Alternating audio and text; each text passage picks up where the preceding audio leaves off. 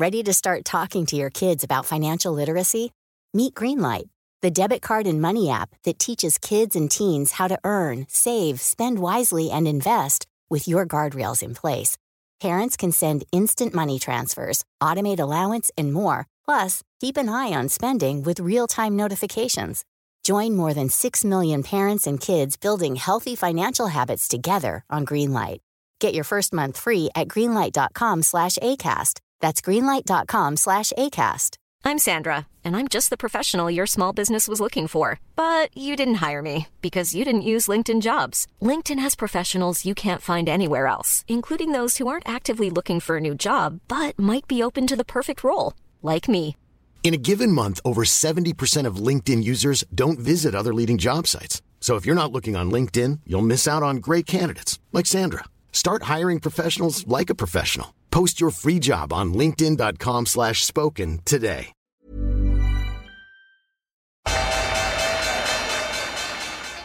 They mistook leverage for genius. Leverage for genius. I would recommend you, Japan. The governments don't rule the world. Goldman Sachs rules the world. Velkommen til en ny episode av podkasten 'Tid er penger'. En podkast med Peter Warren. Jeg tror vi er kommet til episode 76. Vi har sittet her nå og plundra litt på hva vi skal snakke om i en verden der det er veldig mye og veldig lite som skjer samtidig, på et eller annet merkelig vis. Uh, vi har vel en ti-tolv tema her, så noe er det nå. Uh, før vi starter, så uh, kan vi si at hvis du hører på podkasten, så kan du bli med i Facebook-gruppa til Tid er penger. Så du bare søker på Tid er penger på Facebook.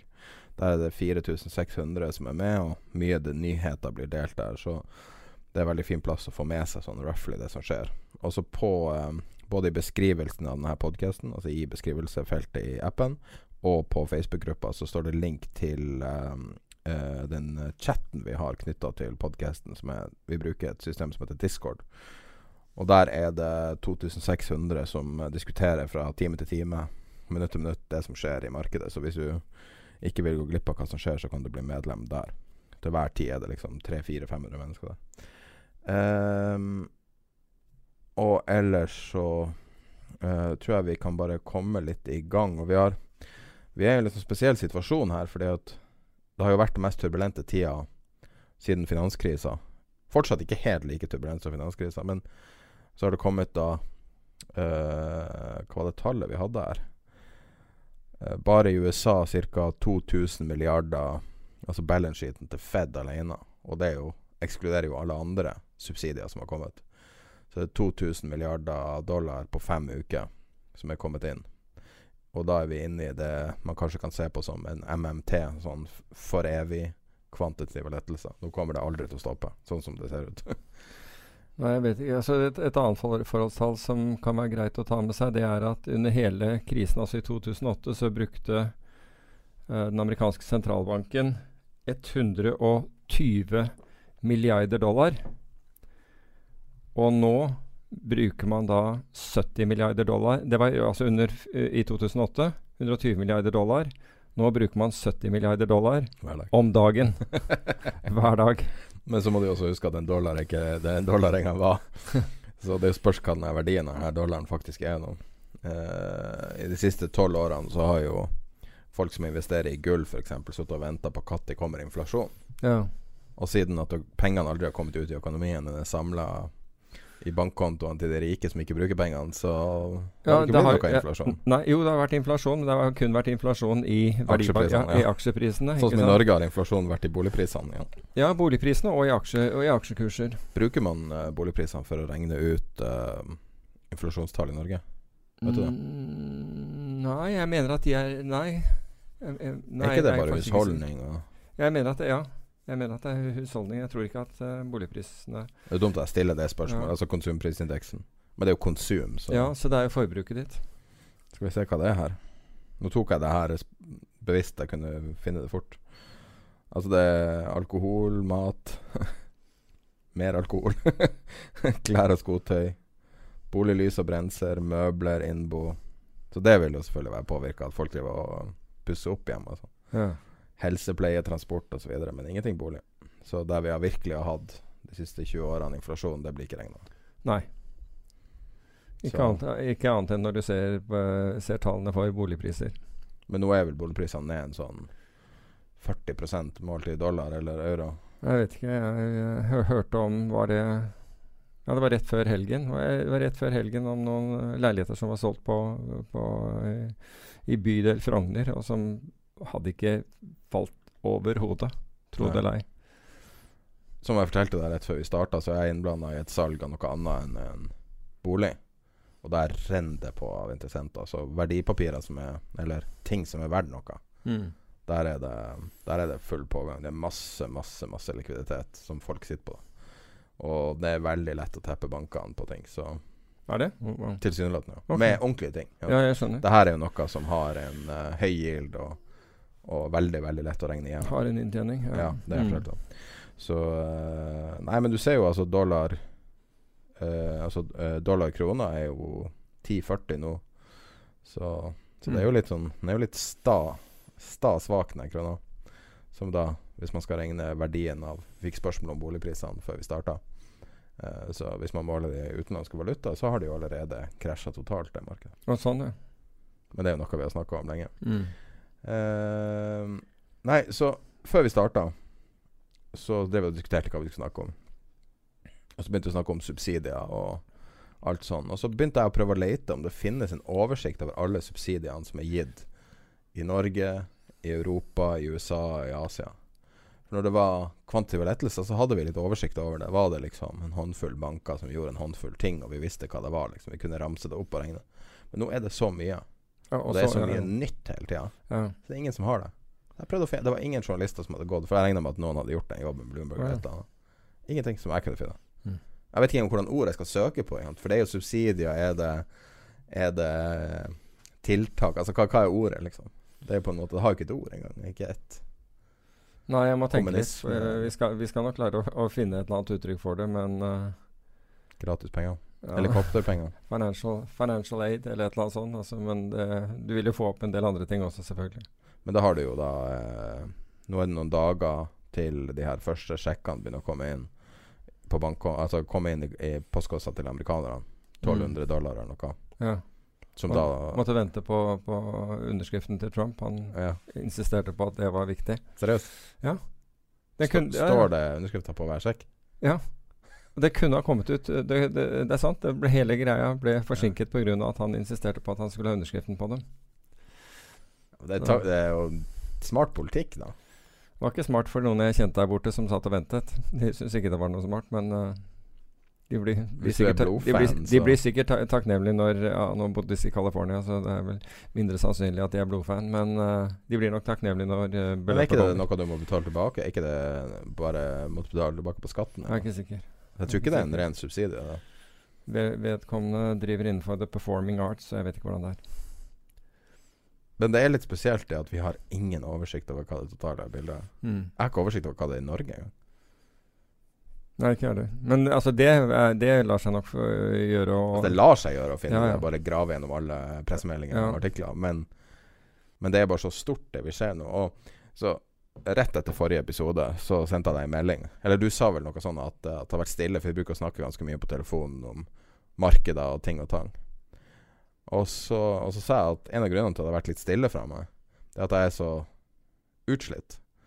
Uh, så utslitt sånn av å Av det her markedet, liksom. Det bare Mm. For meg virker det bare som tull, alt sammen. nå. Og det virker som at pr price discovery, altså det som er poenget med Mm. finansmarkedet Man skal finne en sann markedspris av noe. At det rett og slett ikke eksisterer lenger. Og at det føles som Hva, hva er det egentlig vi driver med her? Det er ikke som å jobbe i Jeg husker det var, det var en kar som hadde eh, Som hadde fikk en sånn konsulentjobb i Posten. Og så skulle han gå gjennom hele postsystemet, og så skulle han finne alle ineffektiviteter. Og så skulle de da si opp de folkene som var ubrukelige. Så de gikk gjennom arbeidsoppgavene til alle som jobba i hele Posten. Og han karen oppdaga at det fantes en håndfull personer i Posten-systemet som hadde jobba der i 20 år. Som, som jobba med sånn rapportering og sånn. Skrev rapporter, samla inn data, sendte det videre, og det var ingen som tok imot det. På 20 år. Så aldri noen som hadde lest en rapport de hadde skrevet. Altså, det var helt totalt bortkasta innsats. Mm. Og de folkene mista da jobben. og de hadde sammenbrudd fordi at de skjønte at livet deres var helt pointless sånn jobbmessig. Ingen hadde hatt noe som helst. Ingen hadde lest ordene. Ingenting. Mm. Alt stresset, alt kaoset. Og sånn føles det litt nå, med markeder og ting og tang. Det er bare hva, hva er det egentlig som er målet her, liksom? Ja. Det er jo mange som spør om, uh, om hvilke indikatorer og hva man ser på, hvordan man skal beregne og, og, og, og gjøre ting. Men problemet her er at vi er jo så Vi er jo så nyhetsdrevet at ting kan jo forandre seg på et øyeblikk.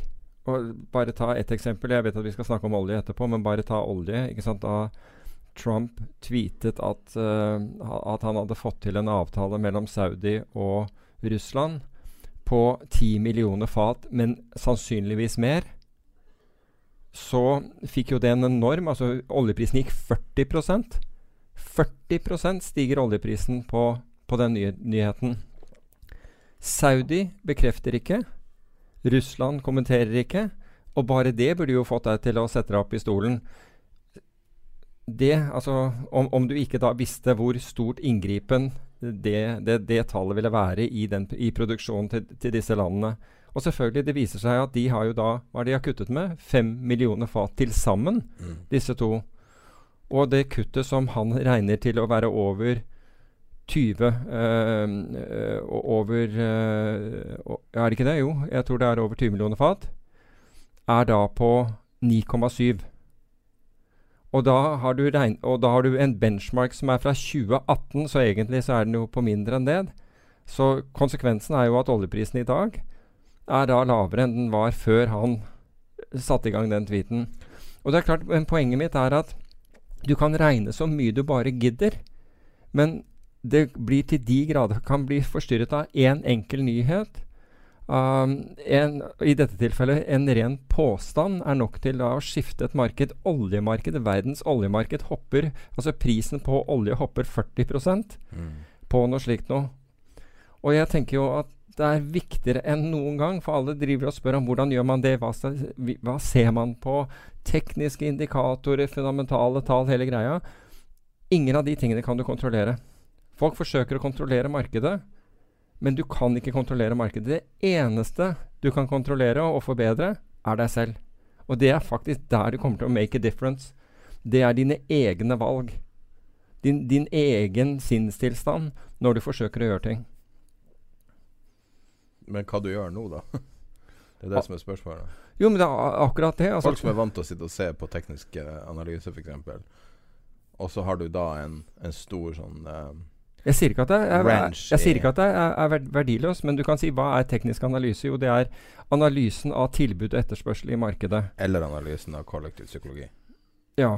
Ja, ja, La meg rette det, til- rette det fordi du har egentlig rett. Det er hvordan kollektiv, um, kol den kollektive psykologien ser på balansen mellom tilbud og etterspørsel i markedet. Så det er helt riktig.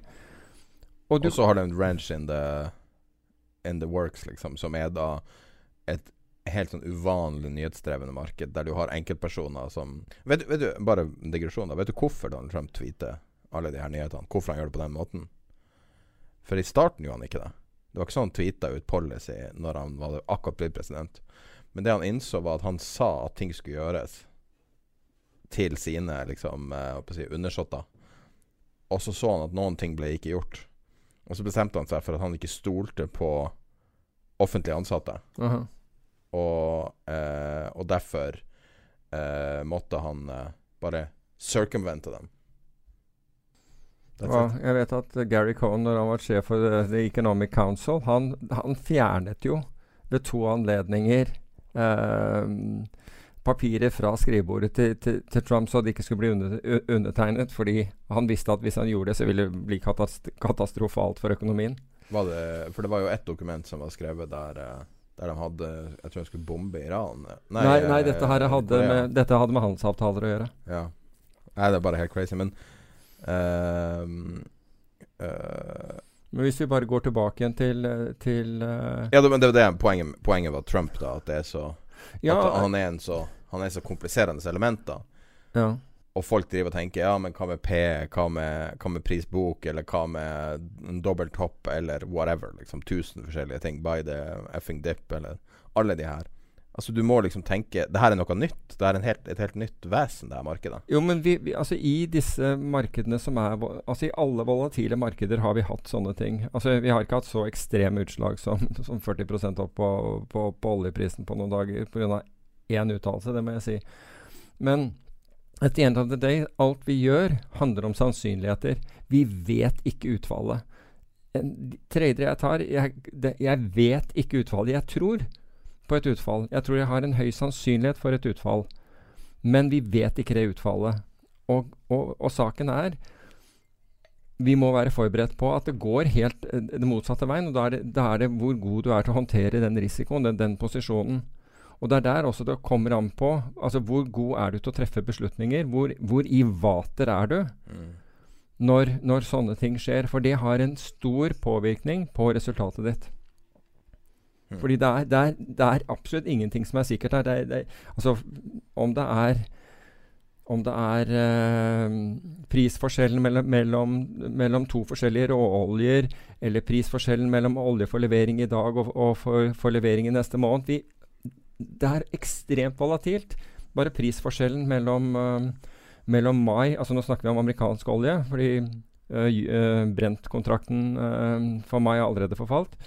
Men mai, amerikansk olje, altså det som vi kaller WTI, West Texas Intermediate, og juni er nå på ca. 9 dollar. Den, den, var, den, var, på 7, falt til 5, og nå er den på 9. Vi har et chart. 902 var den for en time siden. Ja, akkurat. Vi har så, et chart som du kan se i beskrivelsen her. Så det er, det er voldsomme svingninger her. Så det er den verste det har vært siden 2008-2009. Så var det rundt 9 dollar i én spike. Så da er spørsmålet ja, og da er det her en god trade. Og, og, og da mener jeg det var pga. Uh, enten Det var vedlikehold på en av pipelinene inn til Cushing. Ja, akkurat. Som gjorde det på det tidspunktet. Ja, for den er veldig én strek rett ned. Mm. Så den her nedturen, eller den uh, uh, utvidelsen av spreaden, er jo mer over flere perioder. Så det er ikke én spike. Så, som er kanskje enda litt mer urovekkende. Ja. Men spekulanter i netto er, er, long olje, og det er de nesten alltid. Ja. Um, og de økte, de økte faktisk long-posisjonen sin i forrige uke i olje. Men det står ikke hvor det er det på kurven. det kan jo være en funksjon av at, uh, at vi har uh, uvanlig lav oljepris. sånn uansett hvordan du måler historisk sett. Det kan jo også være at du er eh, long olje, short uh, oljeselskaper. Men akkurat nå rett før hva VTI-en er 1733, liksom. Ja, hvilken er det du, du, Vi var vel enda lavere, var jo ikke det? Jeg mente at vi var enda lavere i uh, dag, jeg. Ja, det er den jeg ser. Jeg bare tok ut chart nå for ca. en time siden. Ok. Den som på Bloomberg til CL1 Comb. Kan ta og sjekke den siste. Altså, det, du er godt bak i måneden. Altså, spot Altså, den mai-kontrakten ligger på 12,37. Jesus. 12,37, og juni-kontrakten ligger nå på 22,47. Så nå er vi 9 dollar forskjell. Det er vel sikkert en snittutdrag ja. uh, jeg snakker om, da. Ja. Så, uh, så det, er friske, det, er, det er friske tak. Um, nei, for vi, nå har vi jo uh, uh, flere faktorer. Jeg vet ikke om du ser Jeg, jeg deler en del chart som ligger i beskrivelsen til podkasten, og, og, en av dem er da uh, noe vi har toucha borti tidligere, men som er sånn chartmessig enda lavere nå. Som er den uh, Plain South Texas Sour Crude Oil, som er olje som da blir liggende litt sånn midt i nettet, virker det som. At det er litt mm. sånn stuck i systemet i logistikken i USA. Og chartet på Bloomberg nå er to dollar. To dollar. Ja. Altså Én ting er hva du hører om en eller annen fysisk slutning på et fat eller ti. To dollar. Skulle tro at det ville ha betydning for, uh, for salget av uh, elbiler i USA. ja, det har det jo sikkert. Selvfølgelig ja, har det det. Du begynner jo å miste, miste motivasjon. Ok, da har jeg et spørsmål. Her er, det her er noe um, jeg, Noen som spurte meg Hvor mange liter er det i et fat? Hvor må, det, å, det husker jeg ikke. Jeg husker ikke. 158,99 liter. Okay. Så to dollar delt på 159 Det er én cent per liter olje. Hva da, mener du? Å oh, ja, sånn, ja. Mm. Det koster vel 100 og, Nei, det koster 1000 spenn for meg å bytte olje på bilen, jeg. Ja. Og det er én cent. Jeg vet at det er råolje, men likevel. Det er helt syke tall. Det er vanskelig å forstå. Husker du når du var med på det der eh, programmet som heter Fredagsbørsen på 90-tallet? ja. Da, eh, 98. da var jeg og henta eh, Tok kontakt med TV2 og fikk dem til å sende den første og siste episoden på en DVD som nå er blitt ødelagt, så jeg må gjøre det på nytt igjen. Men da husker jeg Altså så da jeg så på det, og den siste episoden da etter Da husker jeg du sa noe sånn at nå er oljeprisen i 10 dollar eller 8 dollar eller et eller annet. Og for meg, så for, i ørene mine hørtes det så rart ut, liksom. Fordi Mm. at det er liksom som, som du har sagt før, at du kjenner ikke igjen big figuren din. Altså Du kjenner ikke igjen liksom Du har sånn familiært tall med liksom olje 50, 60, 70, Ja. et eller annet sånn. Opp, opp til 100, kanskje. Men liksom under 10. Det virker helt uvirkelig. Og, Ja. og når break-even eh, Altså eh, akkurat nå så er jo oljeprisen er jo under break-even-nivået til uh, De aller fleste. Til Equinor. Mm. Oi. Uh oh. Fire av de Nå kom det en nyhetsvarsel her. Fire av de svenske og danske underselskapene til Norwegian som ansetter piloter og kabilpersonale, begjærer seg konkurs. Oi. Hm. Ja, det, det Da svinger er til. det vel over nå. For øvrig, altså, siden du snakker om Equinor, det er, det er jo brent og brent olje for, um, for levering i juni ligger nå på 26,5 dollar fatet. Så betydelig høyere. Huh. Og for levering i juli ligger på 30. Og går du helt ut i desember, så får du 36 dollar fatet. Så Norwegian Men er det Norwegian konkurs, da? Når, eh, når datterselskaper og ting og tang begynner å begjære seg? Nei, dette er jo fordi eh, Norwegian sier opp avtale med piloter. Ja, det er jo Så slik oppfatter jeg det, i hvert fall. Ja, uansett, det er farlig nært. Mm. det kan jo umulig være Altså, man Ja, men her, her gjør man jo det man kan for å kutte kostnader. Og da vil jo det gå kraftig utover bemanningsselskapene. Ja, det er jo helt crazy. Men ordet konkurs er jo uansett farlig nært for dem. Mm. Aksjen faller da. Så det var ikke meninga med en digresjon her, med litt realtime-nyheter når det kommer. Uh, nei, men oljen er Det er utrolig mange rare faktorer i oljemarkedet nå. Så du hadde jo kombinasjonen av koronavirus og da naturlig eh, bortfall av veldig stor av, av etterspørsel. Veldig stor andel av etterspørselen først fra Kina, så fra verden. Og så hadde du der eh, krangelen mellom Saudi og Russland, og da indirekte USA. Ja. Nå, har vel, nå, nå tror jeg jeg så et tall på at uh, var det USA og Canada som hadde, hadde kuttet med 1,2 millioner fat. Og det er uh, vesentlig jeg, jeg tror 0,8 millioner fat er, er Canada som kutter. Så, uh, så det, det kuttes der også. Fordi det har jo vært en av de tingene hvor, som uh, Skifer er jo ganske kutta også. Ja, ja. Så, ja. Jeg vet så- ikke om det produseres noe skiferolje i USA. Jo, det gjør det, men jeg så at uh, Hva var det 38 sånne fracking cruise eh, Altså vi var ned 38 fracking cruise i siste uke på når du så oljerapportene som, som kom. Er det den der rig-counten, eller? Nei, den var ned 66, hvis du tenker okay. på ba Baker Hughes. Ja. 66 eh, færre rigger i, eh, i, i, eh, i produksjon. Ja. Så det er jo betydelig. Men, men du kan si at når du ser dette, så betyr jo også det at produksjonen av olje eh, reduseres. Ikke sant? Noe som, som eh, alt annet like skal bringe markedet i balanse igjen raskere ved at man skjøtter ned. Jeg har noen tall her nå i forbindelse med, med minusolje som de tror nå Altså Én ting er jo at man, man hørte snakk om at det var Vi skrev Altså vi hadde jo det for to eller tre episoder siden. At det var noen kontrakter som var slutta eh, negativ. Mm. Men nå er det jo en sjanse at, at selve Altså chartet vil vise negativ pris. Ja, folk be, be, de betales jo for å ikke pumpe opp oljen, blant annet. ja. Så det er jo De sier at, uh, at i Cushing så er det uh, fyr, påfylt med 18 millioner uh, fat de siste tre ukene. Um, og the good news is that negative prices, if they occur, will probably be extremely temporary. Jeg vet ikke om det er good news, altså. Selvfølgelig skulle man jo Mm. håpe at Altså, jeg kan ikke forestille meg en verden der olje er negative priser mer enn en veldig, veldig kort tid. Men, Mm. men det er ganske utrolige ting som blir sagt og gjort. Og, og spørsmålet mitt til deg er jo Er det her en proxy for det reelle økonomiske markedet, det vi ser. Kanskje ikke akkurat det her spesielle. For realøkonomien? Ja, altså Delvis er det jo det. Kobber, Jeg vet ikke hvordan kobber gjør men det er jo en typisk ting man ser Nei, det, det er litt av, av bunnen der også, men, øh, og, og har ikke falt så mye tilbake. Men, men kobber har jo også falt kraftig, så, så du kan si at disse øh, De mest anvendte uh, råvarene, altså industrielle råvarene, som øh, er jo ned, er jo kraftig ned. Og, og de gjenspeiler jo økonomisk aktivitet. Ja. Aksjemarkedet ville jo ha gjenspeilt en helt annen virkelighet hvis det ikke hadde vært for at man pumpet eh, penger inn i det for å, for å holde det oppe. Men la oss ta La oss ta og legge SMP over uh, Hvis du tar eh, en oljegrav, og så bare overlayer du, så tenker du at du ikke hadde subsidier. Man ikke hadde noe. Ja, du må ta en kurve av ting, ikke sant. Du er jo nødt til å ta en eh, Du må ta en kurve av, av på en måte industrielle råvarer for å Men la oss bare ta VTI-en, bare som et Ja. tankeeksperiment. ta CRB-en eller noe sånt. Ja. Ja, hvis du tar VTI-en bare som et tankeeksperiment, isolert okay. sett, så ja. sier du at det er reelle markedet. Mm. Og det var på 65 dollar roughly på inngangen av året.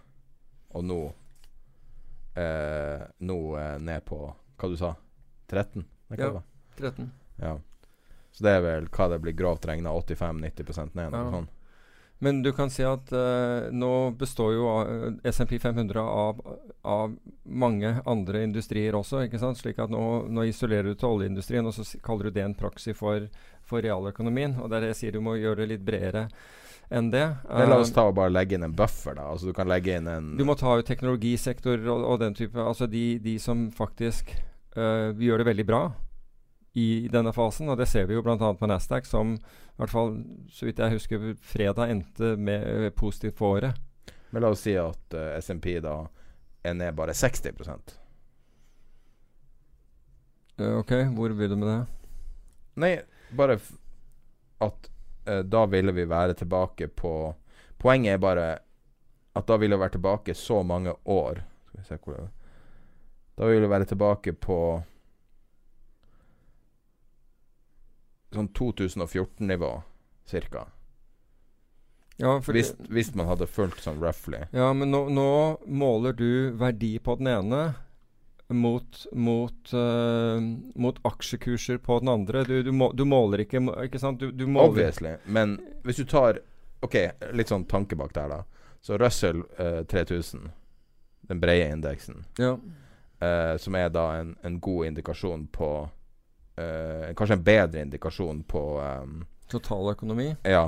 Mm, Og også mindre Eller Russell 5000 er enda bedre, kanskje. Eh, som har eh, en bedre indikasjon på uh, På den brede økonomien i forhold til at den ikke har fått så mye subsidier heller. mm. Og der ser du jo at rekylen er mye svakere, og, og Ja. performance er mye dårligere. Fordi at man har prøvd å, å baile ut de aller, aller største. Sånn at Ja. American Airlines, som hva var det, fem, 96 av American Airlines sin, uh, sin eh, cashflow har blitt brukt til å kjøpe aksjer tilbake de siste ti årene. Ja, Det er helt riktig. Det er så kvalmende at det, Ja. det finnes ikke ord engang. Det er jo aksjemanipulering. ja. Det er det man driver med. Ja, ja. Men sånne Åpent. selskaper i Russell 3000 er ikke så ramma av det. Mm. Uh, og, og hvis du da prøver å forestille deg hvor vi egentlig hadde vært hvis uh, man ikke hadde hatt de her vanvittige forsøkene på å presse opp aksjekursene med Fed. ja. For det er jo det det er snakk om. Ja da. Det er, Det er veldig lite realøkonomi i de subsidiene. Dessverre. Noe er det. Men det, er, det er bedre nå enn forrige gang. Men, men allikevel, det, det voldsomt mye går til å holde aksjemarkedet oppe. Så SMP burde ha vært ned 60 er det sier. Nei, du kan ikke, si, du kan ikke dra den eh, direkte. Og, og vi vet heller ikke altså Fordi vi må se output av realøkonomien. Du, du velger å se på, på olje alene, men du må se på et langt bredere eh, sett av data for, for, å kunne, for å kunne bestemme det. Men at the end of the day så er det hva selskapene altså, har av verdier. Og inntjening, og selvfølgelig i forhold, til, uh, i forhold til gjeld og gjeldsbelastning. Nå vet vi at gjeldsbelastningen har blitt skrudd kraftig ned i og med at rentene har gått, gått ned. Og, og man tilfører mer likviditet og, og gir en større, uh, større romslighet for, for bedriftene. Så det er, det, er en, det er ikke så enkelt å, å bare se på, på oljeprisfallet og så si at ok, det skal, altså det skal dette selskapet være ned. For det, Ja. Nei, det er forsøk på å lage Eller indeksen, unnskyld. På å lage en, En proxy proxy, for, ja. å, for å føle å få noe reelt. Ja. som kan stoppe det. Nei, men jeg prøver bare å, å være en provokatør. Jeg er produsenten som har ingen formening om det ene. Andre har ingen posisjoner i finansmarkedet.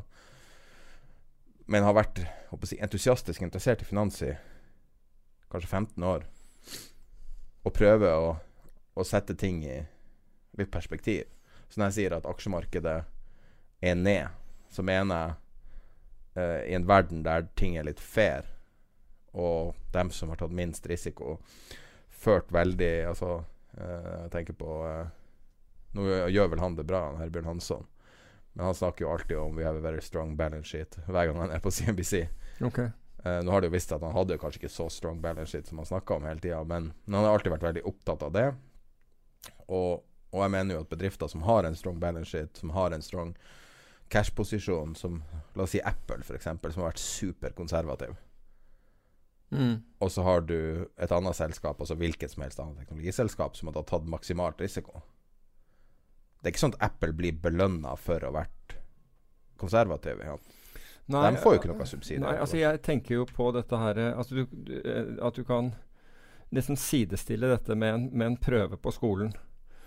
Hensikten når du får en prøve på skolen, er, er å se hvem det er som har, som har lest um, og forstått uh, for, forstått materialet. Og, det, og det fremkommer når, når du får svaret på, på prøven. Og hele poenget med et sånt karaktersystem, det er jo på en måte å belønne de som har gjort, det, de som har gjort jobben, og samtidig fortelle de som ikke har gjort jobben, at de trenger å, å, å, å endre vanene litt. De trenger å liksom begynne å, å lese og, og ta, til seg, eh, ta til seg kunnskap hvis de, skal, hvis de skal få gode karakterer. Faren ved å spre da disse subsidiene utover, u, altså uten, uten å diskriminere, er nettopp at alle får meget på prøven. Om du, om du leste eller ikke. Og det ville alle i skolesystemet skjønne at det er feil. Og det er også feil i næringslivet, hvis du gjør det. Hvis du da Eller de kaller det moral hazard. Ja, nettopp. Og, og det, var jo, det var jo veldig mye det man gjorde etter, etter finanskrisen. Fordi pengene ble sprøytet inn hemningsløst etter, etter finanskrisen. Egentlig for, å, for at man skulle slippe å, å ta hensyn til skyldspørsmålet. Altså man, man skulle da ikke Ingen skulle egentlig få, få skylda for dette her. Så man, man skjøv inn penger og skjøv inn penger og skjøv inn penger. Og altså hver eneste nedgang Du kan si at fordelene med nedgang er jo at det skal gjøre oss mer robuste, at vi skal bli kreative. Vi skal, vi skal gjenkjenne det som skjer, anerkjenne det som skjer, og forsøke å bli bedre. Og at vi, vi utvikler nye produkter, nye strategier osv. som tar det i betraktning. Forrige finanskrise gjorde ikke det annet enn at man ikke tillot bankene å drive spekulasjon på samme måten. Hvis du tar bort den, så var det omtrent ingenting som forbedret seg. Du kan tenke deg hvorfor det skjedde, da. Fordi at vi er jo på en måte en videreføring av finanskrisa nå. Sånn. Ja. Strukturelt så er det jo veldig lite som har forandra seg. Uh, men uh, Ben Bernanke uh, Han hadde jo studert depresjon. det var hans hovedfelt. Og hans konklusjon ut fra hvordan sentralbanken, som da var en relativt ny oppfinnelse, var at de kunne ha forhindra en syv, åtte, ni år i nedgangstid med å være aggressiv med Uh, Med altså, det han kalte helikopterpenger. Det var Mm. han som fant opp begrepet helikopterpenger. Nei, det var, jeg tror ikke det var han som fant opp det. var- Det ble bare brukt på, på tiltaket hans. Ok, ja, det Mm. var i hvert fall Men altså, han er veldig ofte Han er synonymt med helikopterpenger. Det er det. Det er han. Eh, og det han ville gjøre Men han hadde jo på en måte Han hadde jo aldri Og gjorde jo aldri en en fullblods helikopterpengetiltak. Men det er jo det man ser nå, da. Mm. Der man mer eller mindre eh, er ingen grense for hvor mye man kan trykke. Det er ingen Og man har jo da fått på en måte litt sånn kunstig eh, Kanskje kunstig selvtillit av finanskrisa, at det kom ikke hyperinflasjon. Eh, men da er spørsmålet her er Det kom jo ikke inflasjon engang. Nei. Det var jo det som var problemet. Du Men da er spørsmålet er, Hvis du tenker deg Hvis du ser i lange briller da Så 1929 skjer Og man begrenser nedturen etterpå Du får ikke Du får ikke masse konkurser Du får ikke matmangel Du får ingenting som kommer etter det Ingen smerte. hva skjer de neste 70 årene? Mm. Skjer eh, Klarer USA å stå sterkt gjennom andre verdenskrig og komme ut der? Klarer USA å få den største oppturen i verdenshistorien etterpå? Hvis man ikke vasker ut tullet da. Uh, så 1929, det som konka, var jo jernbane, Mm. det var fyrstikkprodusenter, det var gammel, gammel, utdatert teknologi.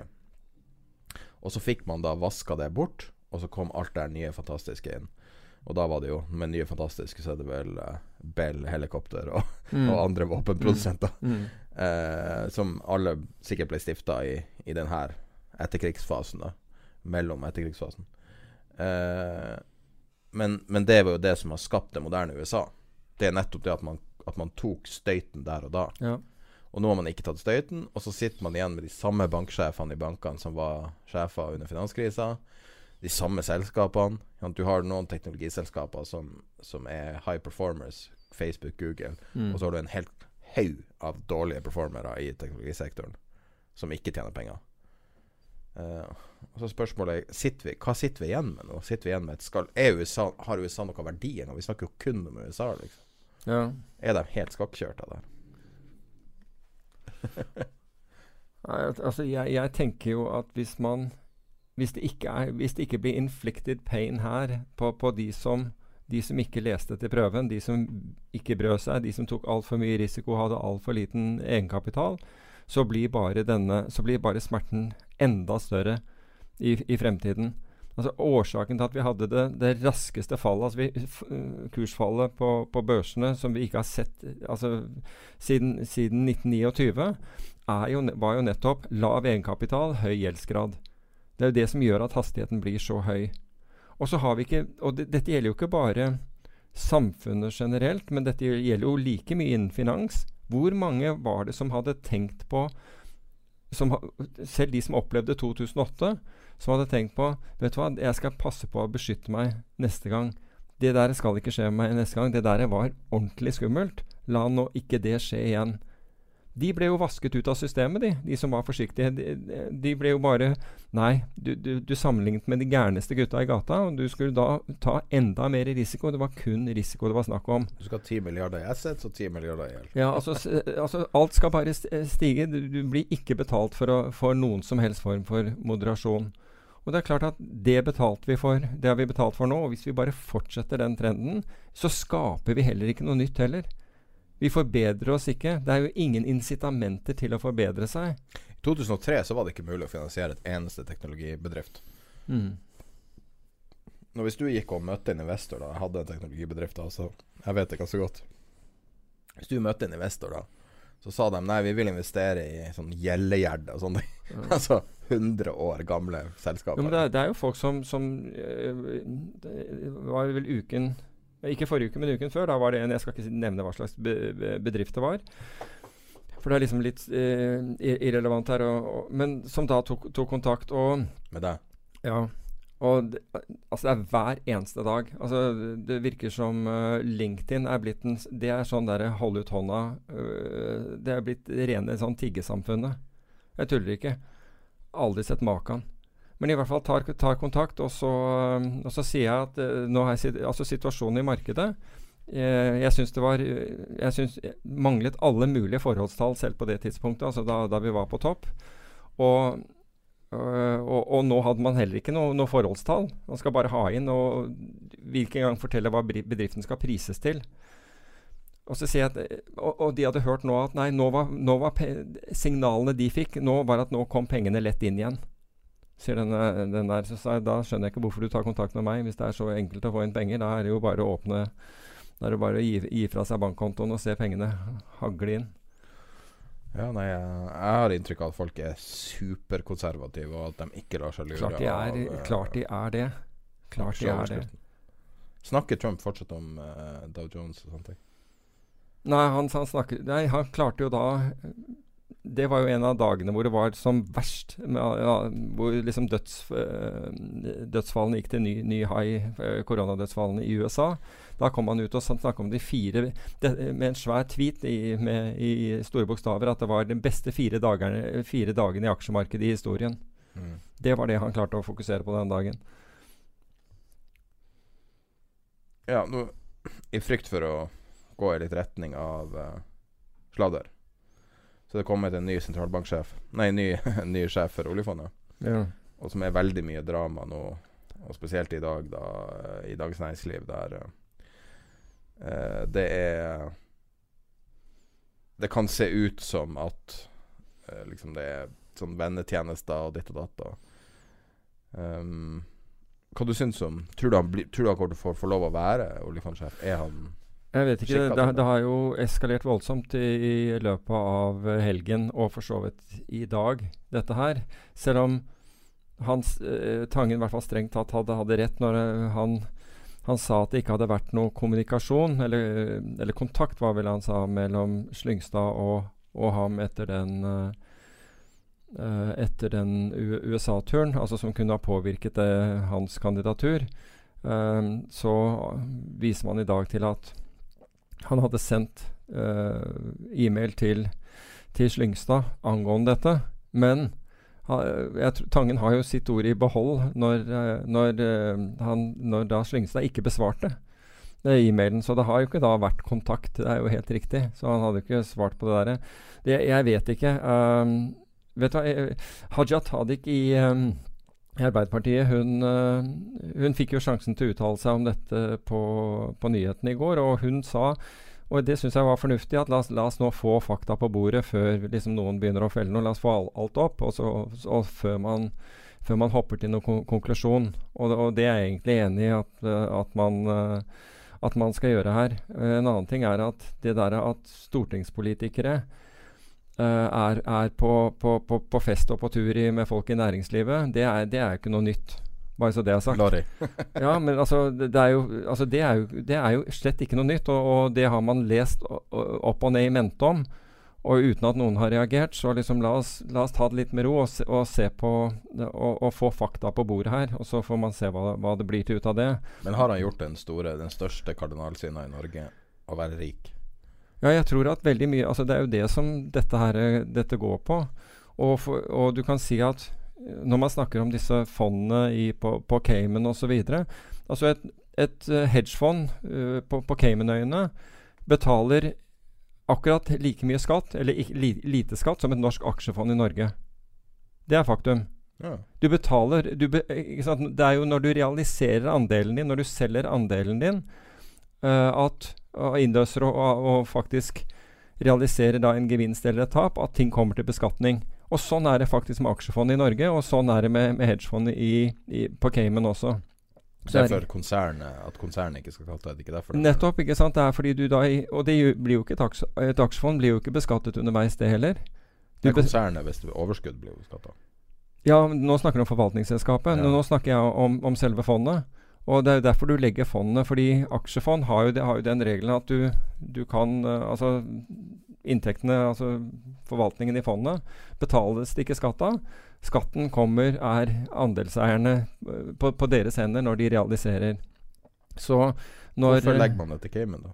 jo, for Cayman er et, et av de stedene. Cayman, du kunne, du kunne lagt det til andre jurisdiksjoner. Du kunne lagt det til, um, til Dublin, altså Irland.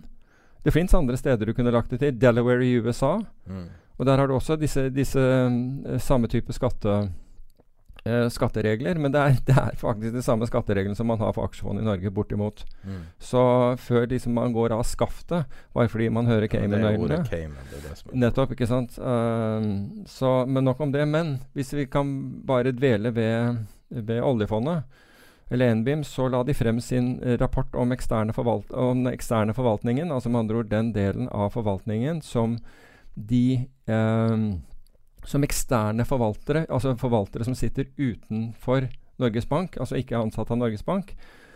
Ehm, resultatet for det eh, De startet vel med den i 98 eller et eller annet sånt, men i hvert fall det er eh, det var da første ideene kom eh, til å gjøre det. Og dette er under, under Erik Hilde, som virker som en, eh, en erfaren og, og, og smart kar. Han har vært i, i oljefondet hele tiden. Og målet var at dette skulle skape 1% i meravkastning. Og de ville selvfølgelig i tillegg til avkastningen eh, også da få kunnskap fra, det, fra disse, disse markedene. Så 1 og de regnet med at de måtte betale noe sånt som 40 av, av det i, i, uh, i uh, fees, hva heter det for noe? Altså i Honorar. honorar til, til Så forvalteren. 1 x honorar. Nei, e- e- 1% men, men, men 40% av det ville, ville Akkurat. Ok. Ja. Men realiteten er at de har fått 2% meravkastning og beholde, og få, få beholde 80 Ja. Altså Så de har betalt uh, halvparten av det, det man forventet i, eh, i honorar. Og til sammen så har dette gitt 47 milliarder kroner til statskassen, eller til, i, i gevinst til, til, til oljefondet, kall det statskassen om du vil. Så eh, jeg må jo si at jeg syns det, jeg synes det er eh, altså, Hvis ikke Norges altså oljefond, norske oljefondet kan gjøre sånne ting, altså både forske og, og forsøke å utvikle seg i, i den retningen, hvem da skal, skal kunne gjøre det? Så jeg er imponert over det de har gjort, og de var sånn supergrundig. Du hadde intervju med to, eller de hadde to uh, av sine forvaltere, en i London og en i Shanghai, med på, med på denne denne, hva skal man kalle det, webinaret. Det skulle jo egentlig vært i, i Norges Bank, men av naturlige grunner så er det ikke det. Eller var det ikke det. Og, og det var som han ene sa, at du, altså, det var den vanskeligste eh, kunden de hadde, altså oljefondet, fordi altså, de fikk de, de vanskeligste spørsmålene. Det kom derfra. Men det var også den beste kunden du kunne ha. Det var jo litt sånn Tale of Two Cities. Um, ved at, ved at de, eh, oljefondet faktisk puttet inn mer når, altså når markedene falt, så kom de med mer penger. Og det gjorde jo ikke vanlige investorer, og det ser du jo bl.a. på statistikk som er fremlagt i dag. og er at Med en gang kursene begynner å falle, så stikker folk. Da er det en kraftig netto innløsning. Men her var det motsatt. Her kom man faktisk inn med mer penger. Forklarer kanskje den 2 da. Ja, altså det, det gjør det. Altså du, det er jo det investorer skal gjøre. De skal kjøpe når det er billig og selge når det er dyrt, men det motsatte skjer gang på gang på gang. Hva var liksom den største risikoen med dette her? Altså de hadde jo, de hadde jo um, sparket en rekke forvaltere gjennom årene, eller, eller i hvert fall skiftet dem ut. Den korteste var bare to uker, men det var fordi forvalteren som de investerte med, sluttet i selskapet. De, de beste form for selskapet var privateide selskaper med 10-15 mennesker. Det var det de, det, der de fikk de beste resultatene. Men uh, Men det her passer jo veldig godt med det temaet du hadde foreslått, som var uh, om markedet generelt. Altså nyvunnen erfaring for en 26-åring. Det du sier der, det enkle, enkle grepet som er at de kjøper når det faller. Er det sånne type ting man må uh, Man må forstå som en ny investor, at ting kan falle, og ting kan gå mot deg? Altså jeg tror, jeg tror hvis, du, hvis du har liksom planer om å bli investor og bare se eh, plusser på konto, så, så kommer du til å få en brutal voksenopplæring. Eh, For, for sånn er det ikke. Den Altså, neste ting, perioden, er det? ja, ting går, i, ting går i sykler, ikke sant. Og hvis du ikke forstår hva det er som skaper verdiene, altså hvorfor du tjener penger Og de aller fleste har jo tjent penger ved at, ved at tidevannet har kommet inn um, og løftet alle båter. Altså trendene har vært opp. Så, men her gjør jo oljefondet en, en vanvittig grundig uh, analyse. De ser jo nøyaktig Altså, de har jo kun managed account. De putter ikke pengene inn i fondet, men de har um, aktive forvaltningsavtaler. Så de sitter og ser hver eneste handel du gjør med deres penger, og kan analysere den og være sikker på at den er innenfor mandat. Så hvis de skifter deg ut, så er det enten fordi forvalteren slutter, eller at du, at du fraviker mandatet. Eller at du, kan, øh, at du begynner å gjøre det dårlig over tid. selvfølgelig, Det er også en mulighet. Men dette har jo skapt merverdier. Men når det blir spurt om hva var den største risikoen, så var det headline risk. Og headline risk, i dette tilfellet det beste eksempelet på det, det var den forvalteren som gjorde det så bra at, at det ble en skandale i Norge. Ja, det er jo i hvert fall én jeg husker. Ja, og, og de gjorde det så bra, og, og, suksesshonoraret, som da er en, en prosent av, av, eh, av gevinsten de har skapt, den var så høy at da gikk da, Det ble jo debatt i Stortinget. Ja, det er 600 millioner. Ja, det ble, ble en voldsom debatt i, i Stortinget. Og, den, og da kunne de også fortelle at den, denne forvalteren, som jeg tror de måtte, de, må, de måtte trekke pengene ut av den gangen, fordi eh, det ble så mye rama av det. Tenk deg det. Du har skapt så mye penger at folk ble misfornøyd. Ja, for det er ikke Og lov den- å bli rik. Det Den forvalteren lov. hadde da levert en meravkastning, en annualisert meravkastning på 21 i, i, i de påfølgende år. så vi, Norge tok da og fra, altså frasa seg enorm avkastning fordi man politisk ikke kunne håndtere og betale forvaltere eh, et su suksesshonorar. Men altså, hvor gammel er janteloven? Er det Jeg vet ikke. 1930? Det var Sa- Sandemo som var det han som 30-tallet? Jeg mener det. Fordi det er jo det det er snakk om. Altså, Det er jo den sterkeste loven i Norge. Altså, det er over Grunnloven og alt. Men uh, Og det er jo det det her er. Enkelt og greit. Ja. Nei, det, ja. Så- nå kan vi godt gå til, til, den, eh, til den andre, den du så vidt var, eh, var inne på. Nei, men det Hva kan du Altså, hva er den nye tilvær... Altså nye eksistensen for investorer som Nei, altså Jeg tenkte at det var jo en, en, av, de, en av de største bankene, for å si det på den måten, uh, som da hvor Der ha, var sjefstraderen 26 år gammel. Um, jeg, jeg tror nok det tittelen er litt finere enn rollen, men la oss Ja, men Ja. det- Head of trading ja, ja, ikke sant? 26 år gammel. Og på det uh, På det tidspunktet så, så, så betød det at vedkommende var 14 år gammel da den forrige finanskrisen var. Mm. Og jeg tenker på bankene, men dette var jo ikke bankenes egenhandel, for det driver de ikke lenger. Dette var jo egentlig øh, handel med, med, med, med, kundenes midler. Dette var for fondene. Mm. Mm. Vedkommende var, var sjefstrader. Men før, da bankene drev med egenhandel altså, jeg, jeg, tro, jeg tror ikke det var en eneste sjefstrader som var under 40 år gammel. Altså Det var noen som hadde lang og bred erfaring innenfor markeder. Og det forteller jo litt grann om hvordan vi har sett på ting. Altså Fordi det har gått bra så lenge, så, så har det liksom aldri vært noe fare. Og selv på det nivået Altså Du har jo folk Jo, men de her bankene har inntrykk av at alle de her personene egentlig innerst inne jobber med markedsføring. ja, Når ble det sånn at alle økonomer ble modeller? Hvorfor er alle så pene? Ja, jeg mener det. Altså, ja, okay, det- altså Alle er utrolig pene. Det kan jo være at Nor Norge har ufattelig Men det er det jeg lurer på. Hva driver alle de her økonomene med, egentlig? Er det økonomisk analyse, eller er det markedsføring av banken? Og det er ja. noe vi har snakka om mange ganger. Og jeg sier ikke det at du er dårlig til å gjøre jobben din fordi du er pen, men det er ganske påfallende at pressefoto laga av bankene ser ut som et modell en modellshoot. Mm. Ser ut som det er tatt hos Eileen Ford. Ja, men, Men, ja, mulig. Men du skjønner eh, hva jeg mener? Altså, Ja. altså man kan jo Altså Man vet jo hvordan de her bankene behandler det. Vi har jo sett dokumenter der man vurderer verdien av en økonom. Ja, så jeg, jeg vet jo det der at, at bonusen har vært øh, Enkelte steder har vært på basis av hvor, hvor mange ganger du har vært i pressen. Vi har kalkulert den Mm. verdien av en ansatt basert på kostnaden av reklame i media. Mm. Og det har vi sett svart på hvitt. Så det er jo ikke sånn Altså I gamle dager så, så var det jo en sånn gubbegreie å være økonom. Og det var jo ikke sånn at du var spesielt mye i avisa da. Det var jo ikke sånn at hver eneste dag var det en ny økonom som fortalte deg hva framtida bringer. Nei, det er sant. Og om du er pen eller ung eller noe sånt, så betyr ikke det at du er dårlig i jobben din. Nei, ikke er det ikke det jeg tatt. sier i det hele tatt. Men, og, og Men erfaring tenkt betyr noe. Ja, men der hadde jeg tenkt å, å, å komme med den positive nyheten. I, i, i- så måte. Altså 26 år var 14 der. Nå har vi jo vedkommende virkelig fått Altså Nå har du en erfaring. Nå, har, nå er vi jo Ja. midt inn igjen, så nå har man den der erfaringen. Og det er jo bra. Ja. Det er jo bra. Så du kan si at det yngre i livet du får uh, den erfaringen, det, det mer kan du forhåpentlig uh, gjøre nytte av den fremover også.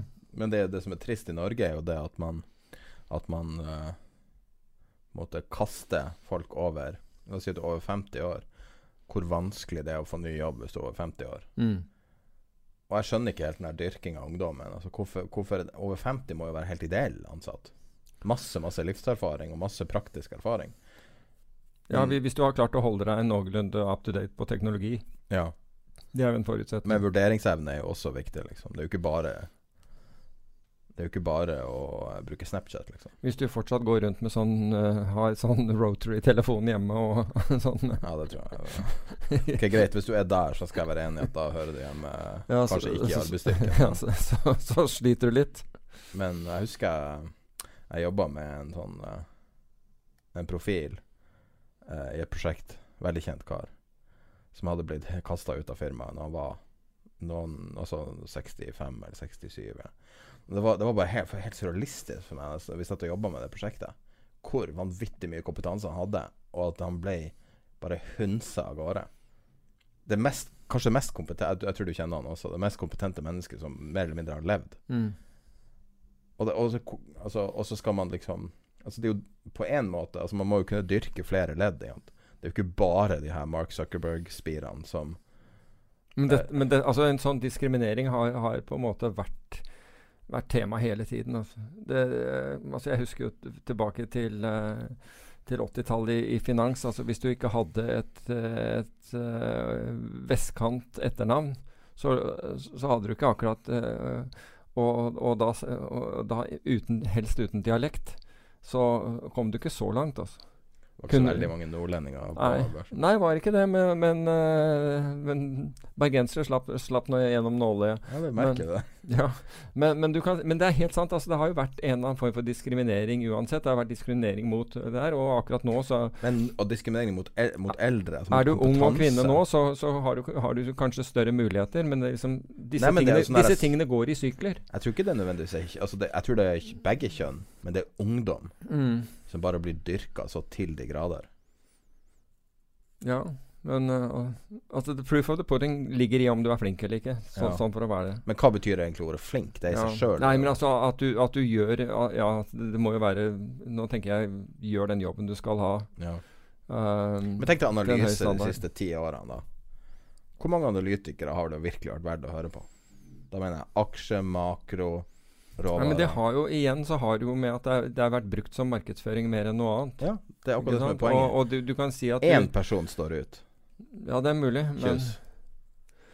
I hvert fall inntil han begynte med det bettet sitt. Ja. Etter det. Så ja, men, han, han flink, han. altså ab Absolutt. Han fant sin edge. Ja.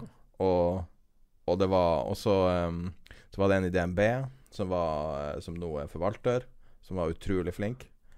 Uh, også, men, men, det er ikke mange, altså. De fleste aksjeanalytikerne uh, Der er det jo bare sånn Handelshøyskolen, uh, unge menn i dress. Og der er det også veldig mye markedsføring. Men da markedsføre corporate-tjenestene til banken. No, men jeg, hva, jeg tror at hvis du har klart å bli, komme deg inn i det der som, uh, som kvinne, så er du god. Nesten ja. per, per definisjon. Ja, da, da er du faktisk god. Ja, det er jeg helt enig i. Men der er, det jo, der er det jo en veldig diskriminering mot damer. Mm. Det er ikke mange kvinnelige analytikere. Men når du, når du er i dealingrom, altså, og det har vært så lenge jeg kan, kan huske Nei, kanskje ikke på 80-tallet, men i hvert fall på 90 dealingrom i de store investeringsbankene ute, der var det mye kvinner. Det var mye kvinnelige dealere. Ja. Det var det. Altså, det er jo og noen av, og noen av liksom, de kjente navnene var, var, Ja, det også. Var, var kvinner. Så en av dem var kjent, ekstremt kjent for sitt temperament. Ja. Bronja Jenkins. Jesus. Når hun dro av, så, så løp brokerne vekk fra boksene. Jeg tuller ikke. Jeg var hos Canter Fitzgerald da hun ropte ned på linja og var, sint for et eller annet. Og da så du folk scatter away altså, fra, fra, den linja. Så hun var, hun var uh, seriøs. Men for å summere opp, da. Den her 26-åringen ja. Altså Det kunne vært hvilken som helst. Nå, tok, nå var jo bare hun Nei, det var bare fordi Ja, det var bare fordi det, akkurat det der var påpekt i, uh, i en avis. Men, som, Men nå er erfaringa det? Ja, det er akkurat det som er det, det, positive med det. Nå har du plutselig Nå har du den alderen og den erfaringen. Mm. Det er en bra ting. Ja. Og jeg vil jo si at en av de heteste stedene å finne forvalterspira er jo i oljefondet de folkene der eh, tjener ikke så mye når de sitter i treningrommet i oljefondet, men de mulighetene de har etterpå, er jo helt vanvittige. Ja, det det, men det kommer jo an på hva du har drevet med. Da. Men jeg har ikke hørt om så mange suksesser komme derfra. Nei, det er akkurat det der. Altså, du, det er jo som uh, Sånn trodde man jo det ofte ville være med, med investeringsbanken, propdeskene til Goldman Sachs og disse andre. Og i det øyeblikket disse brøt ut og startet hedgefond, så fikk de jo eller andre typer fond, så fikk de kjempemye penger. Vi snakker om milliarder av dollar til, til forvaltning. Da bare rant det penger inn. Men det var et fåtall av dem, uten det maskineriet som Goldman uh, er, i ryggen, som klarte å skape noe. De klarte å skape noe til å begynne med, for da var jo folk i Goldman uh, uh, sultne på å kunne gjøre business med dem. Men deretter så så du det falt Alle som én, nesten. Ja. Vi har jo snakka mye om volatilitet og sånn. Ja. Var ikke det litt sånn Noen som hadde noen spørsmål om Jo, det, det var fle- Du hadde jo lang forklaring, og det var ja. sluttet å være lang. Det var, det var flere som, uh, som påpekte det, fordi vi forklarte volatilitet de, Man ønsket å høre mer om volatilitet og hvordan osv. Og, så videre, og hvorfor, hvorfor uh, det gikk så gærent når man var short volatilitet, og hva det betød generelt. Men så var det etter den forrige episoden så var det flere som kom tilbake igjen og si ja, men kunne du ikke nevnt noe eksempler på å være long volatilitet? Og da kom jeg på at det hadde vi jo ikke rukket eller hatt tid til eller egentlig tenkt på akkurat der og da.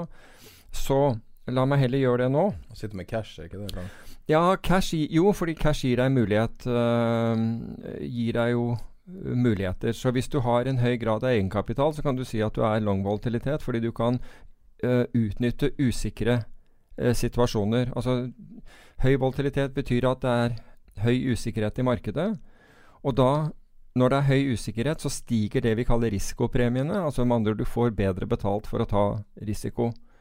Og det kan du gjøre ved å sitte i cash. Du kan gjøre det, men hvis du skal, hvis du skal være sånn teknisk på det Eier du opsjoner, så er du long volatilitet. Så de som satt med kjøpsopsjoner eller salgsopsjoner, var long volatilitet og kunne nyte av det når, dette, når, når øh, børsen falt som, som verst, eller oljeprisen øh, falt som, som verst. Begge deler gir deg, øh, gir deg muligheter. CDS-kontrakter, som er da konkursbeskyttelse på, på obligasjoner, er også long volatilitet. Og så, finnes, så kan man også tenke seg, for jeg hadde den diskusjonen på, på LinkedIn um, med noen som mente de hadde diversifisert porteføljen, men at den porteføljen deres ikke gjorde noe særlig bedre enn markedet, uh, selv om den var veldig diversifisert. Og mitt svar på det var at det var for fordi alt vedkommende hadde investert i, var egentlig av, avhengig av aksjemarkedet. Uh, det, men det fins andre ting. Hvis du ser hvem er det som tjener penger når volatiliteten stiger, jo, bl.a. high frequency-tradere tjener, tjener, penger når volatiliteten er opp. Der har du to som er børsnoterte. Og med lav volatilitet så er det lite å tjene. Høy volatilitet så tjener disse eh, mye fordi én, de regner fort, og, sin, eh, og de er superraske til, å, til, til å, å, nå de gode dealene på børsen. Så der har du flow traders som er opp 40% i år. Um, og så har du den andre som jeg prøver å huske hva, hva heter i farten. Jeg skal komme på, på navnet. Vir Virtue. Virtue er den andre. Um, og den er opp 48 eller 49% i år. Mm. Og som sagt børsnoterte fond. Og så har du selvfølgelig Renaissance Technology som er opp 39 Oh i år. God, jeg så den overskrifta. Ja, så Men du- det er medaljenfondet, da. Det er medaljen som Ikke sant? Men de er jo, de er jo Altså, de får du ikke investert i, men disse andre får du, får du investert i. Hvis Vet du, du hva de har gjort for noe? hvis du skal gjøre det? Nei. Men jeg antar at de har gjort akkurat det samme som, som high frequency-traderne. Utnyttet disse, disse situasjonene som har eh, Ryktene var jo at han var ned i starten. ja, men det tok man fordi man Det var det jeg sa. Det var noen som puttet det på Discord. Og jeg sa det er helt feil, fordi det dere ser på der, er det, det fondet som Det, det equity-fondet deres. Uh, og det var ned. Og det har kommet seg Det er, ikke, er, det ikke opp på året, men uh, det, gjør, det gjør det bedre nå. Men medaljenfondet det er, altså Når folk sier jeg, har, 'jeg får tallene fra medaljen', nei, du gjør ikke det. Så enkelt er det. Du får bare Medaljen gir, gir, fra seg, gir fra seg tall til primebrokere kun. Og, og, Sine egne ansatte. ja, og sine egne ansatte. Det spørs om egne ansatte får se rapportene. Det vet jeg ikke. Men så har du Jo, det gjør du nok. Tror du det? Ja, de, At de får se helheten. ja det tror jeg ganske. De er, de, de er veldig sånn åpent her, og du kan jobbe med akkurat hva du vil hos dem. Eh, men så har, du, så har du andre typer fond. Vi har vært borti uh, Deepfield her på, på podkasten som jeg nevnte. De var opp 46, de er opp 46 i år. De var opp 38% bare i mars. Um, Hva med universet, da? så har du Universa. Og det morsomme med Universa, det er de har 17 klienter, ikke sant? Um, og ca. like mange milliarder til, til, for, til forvaltning. De var i mars alene opp 3612% og er hittil i år opp 4144 Jeg vil bare påpeke at du anbefalte det her før oppgangen. Før dette, Gå dette tilbake og hør etter Peter kom tilbake fra Miami. Fra så Miami. du høre at han anbefaler det her. Det koster 1% av En, altså det de tar altså 1, de, bruker 1,7 eh, altså i, i premie Uh, altså det er det, det, det de sier at det koster deg å, å gjøre disse strategiene i året.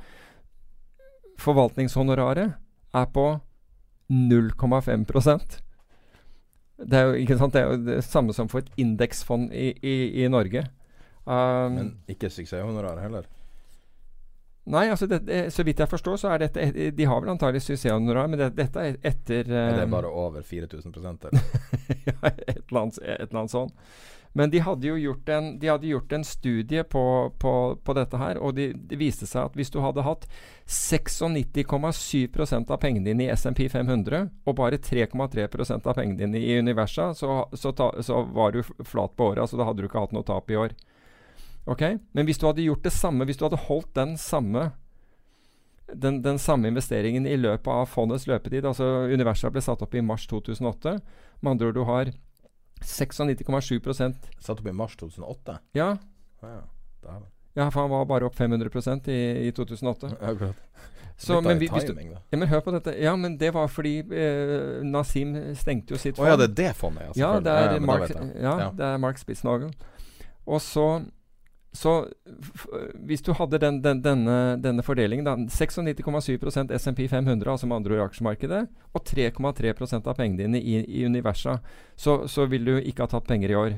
Men hvis du hadde hatt dette siden mars 2008, så SMP 500 har annualisert avkastning siden mars 2008 på 7,9% Hvis du hadde hatt den kombinasjonen siden mars 2008 med disse, så ville du vært opp annualisert 11,5 Så, du, så du, du vant selv når det gikk opp. Så, eh, og men det er når du leser sånne ting, så tenker du at hvorfor er det ingen av disse norske store forvaltningsmiljøene banker, forsikringsselskaper og sånt noe, som, har, som forsøker å dyrke frem denne type kunnskap og denne type strategier. Og det, det altså, Når du tenker på det, det du ser, er at alle, ja, noen har helseaksjer, og så har de, så har de noen annen som, som driver med teknologiaksjer. Jeg vet om ett forvaltningsselskap som driver og utvikler noe lignende. Jeg skrev det i chatten. Kan, nei, jeg skrev det på lista. Scroll litt ned på regnearket. Vi har sånn kommunikasjon her, noe sånn hemmelig kommunikasjon i podkast. Som gjør noe samme. Jeg ser det ikke. Undertall. Og der, ja. og der, ja. Akkurat.